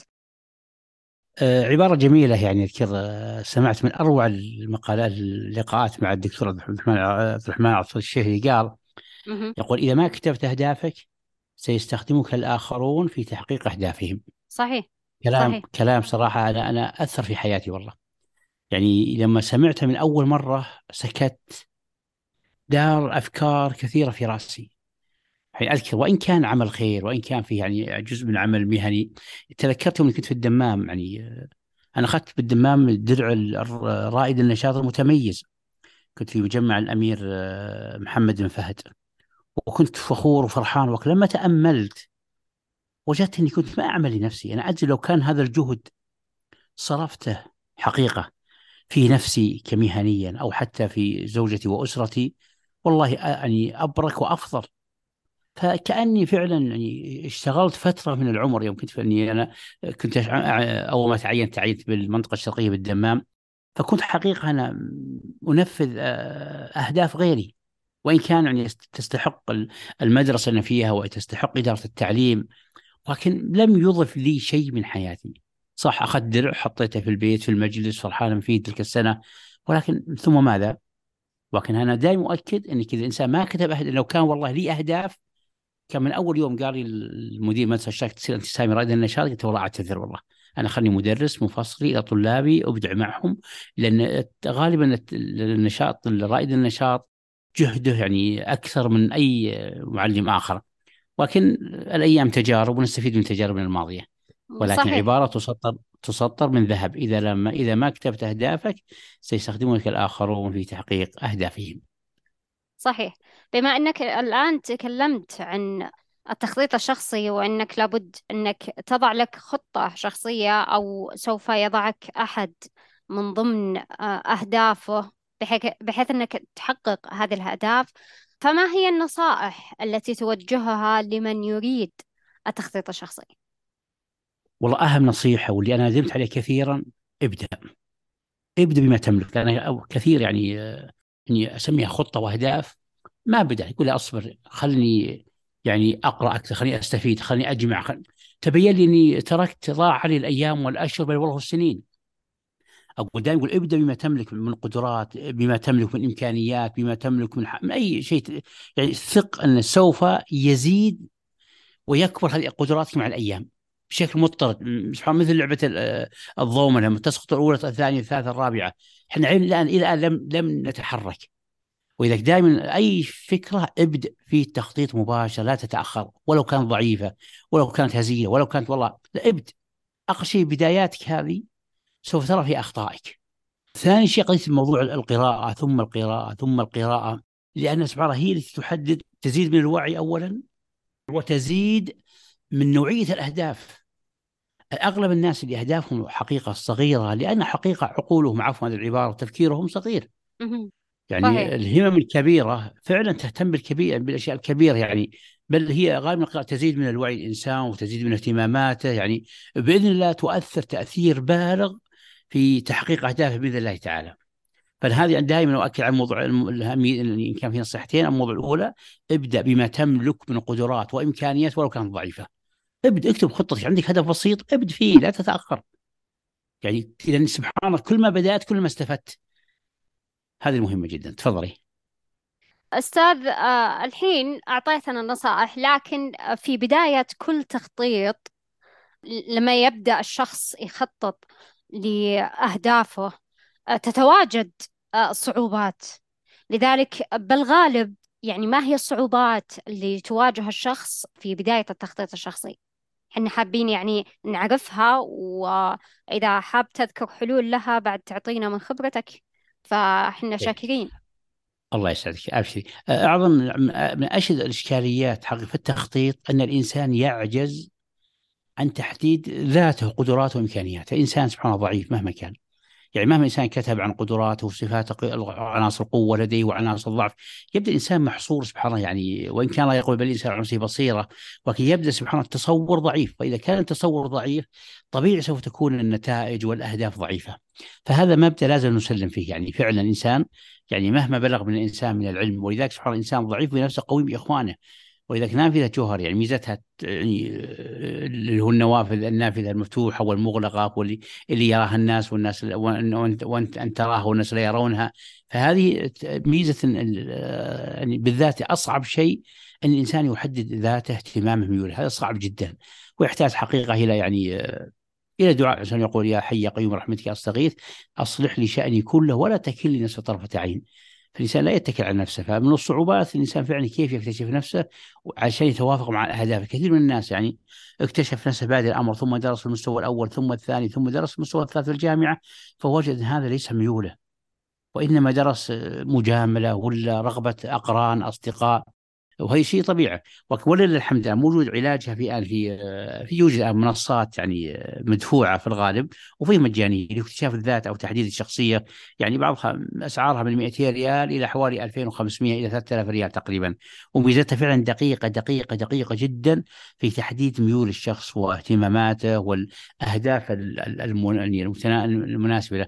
في مثال موقع اسمه تحديد الشخصية لجاسم هارون. جميل جدا موقع فيه 39 سؤال. يعني يعطي شيء إلماح عن شخصية الإنسان. آه، من الأشياء اللي فعلا صعوبات مثل ذكرنا البدايات فيها آه، اللي أصعب منها قضية المتابعة. كثير من الناس يكتبون بداية خططهم جميلة ورائعة ولكن ما يتابعها.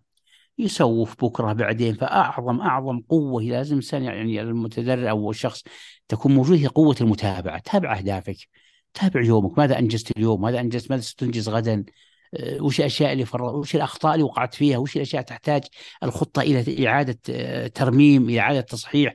ما هي الأهداف الجديدة اللي أنت اكتشفت انها هي أقرب لك من أهداف سابقة؟ ما في شيء. أنا قد أكتب لك خطة هدف مدته وراجعت فيها شهر كامل ثم تبين لي هدف أفضل منه. ما عندي مانع أغير هذه الخطة وأكتب هدف جديد. فمهم جدا يعني الانسان هذه من الصعوبات تقريبا. التقييم والتطوير مهم جدا إغفاله يعني وهو صعب عند كثير عند بعض الناس يعني.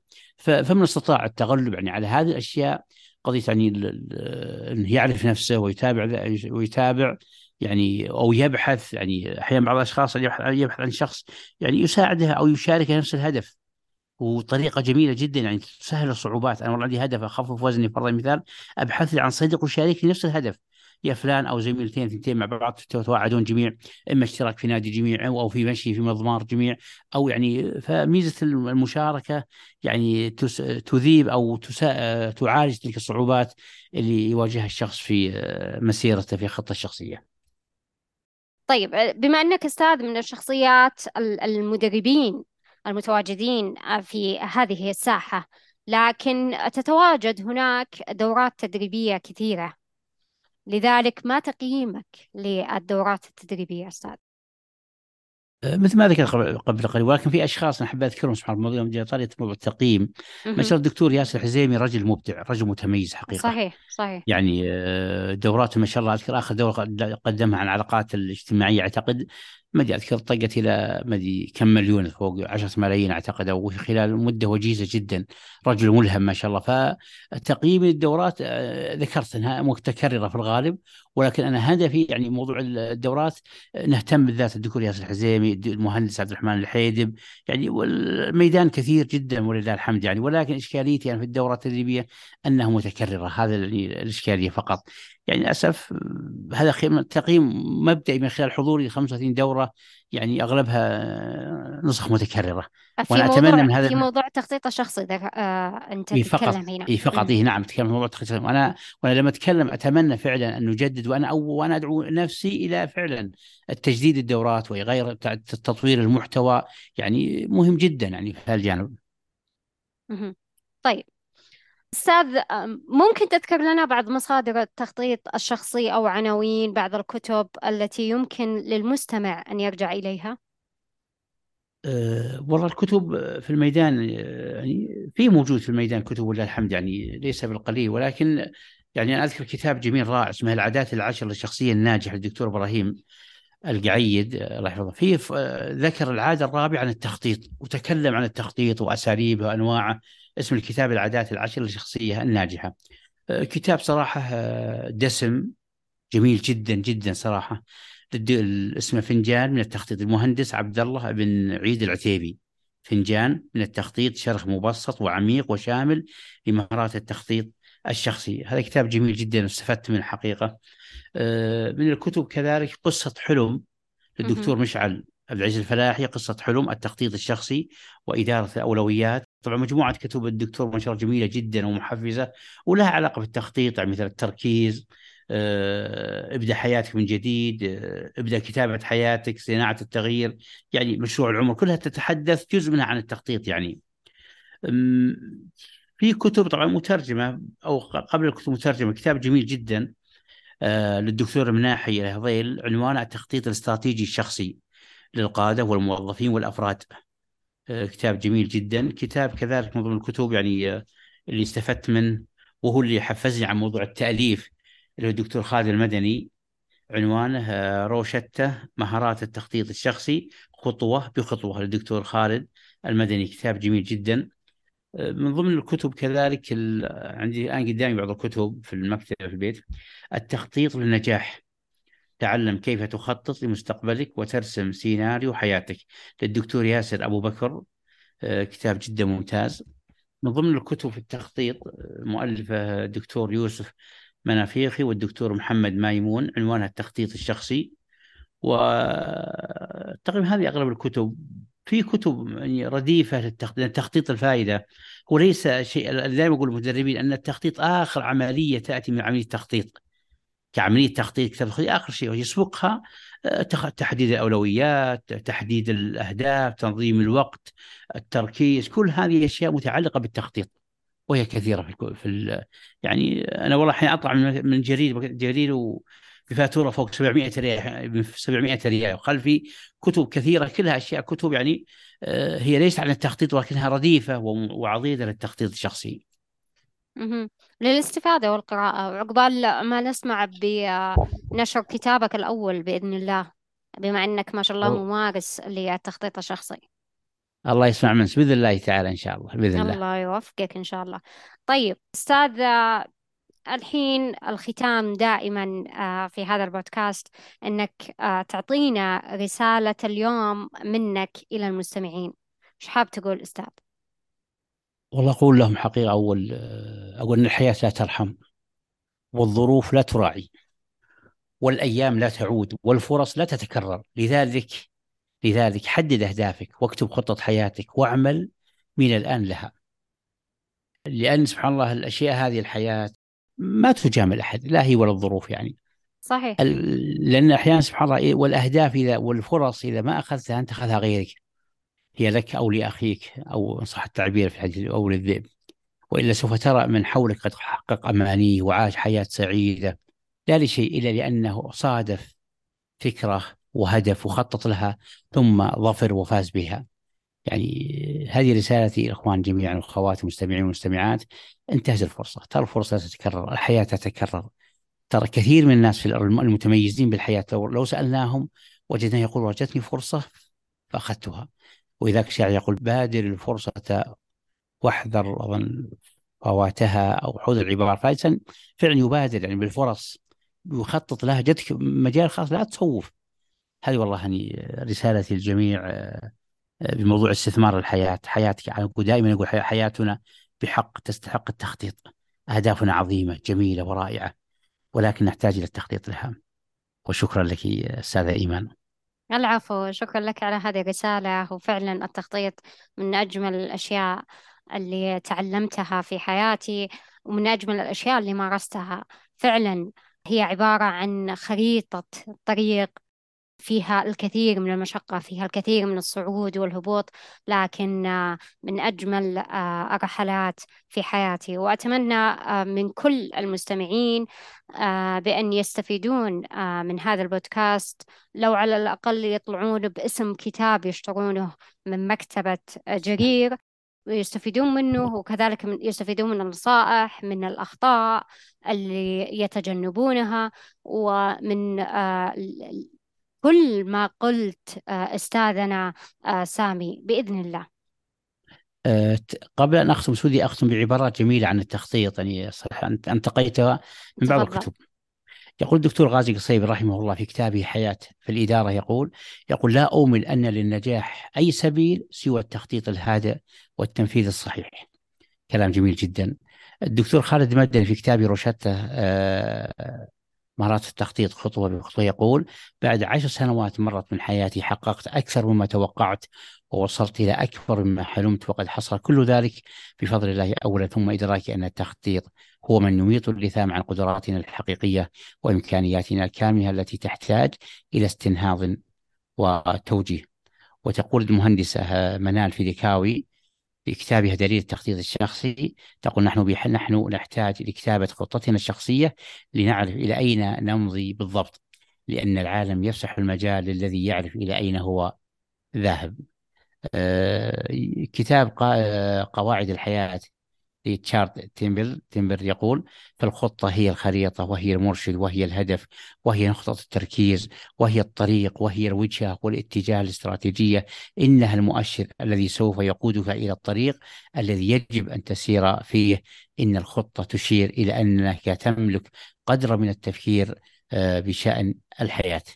ويقول كذلك في كتاب التخطيط المنفوخي وملمون يقول التخطيط بكل بساطة هو ردة فعل لفعل الإنجاز ورغبة بالتحقيق ويقول إن التخطيط لحياتك يعني أن يكون لها معنى وغاية تريد الوصول الوصول إليها. ومثل ما ذكرنا يقول الدكتور محمد الفلاحي مشعل الفلاحي في كتاب مشعل الفلاحي قصة حلم التخطيط الشخصي يقول رحلة التخطيط رغم بهجتها وأناقتها وجمالها إلى أنها مكلفة وشاقة ومجهدة وتحتاج إلى تضحيات. فعلا تحتاج إلى تضحيات في المجتمع وأنا ذكرت هذا الشيء قبل التضحيات حتى أقرب الناس إلينا يعني.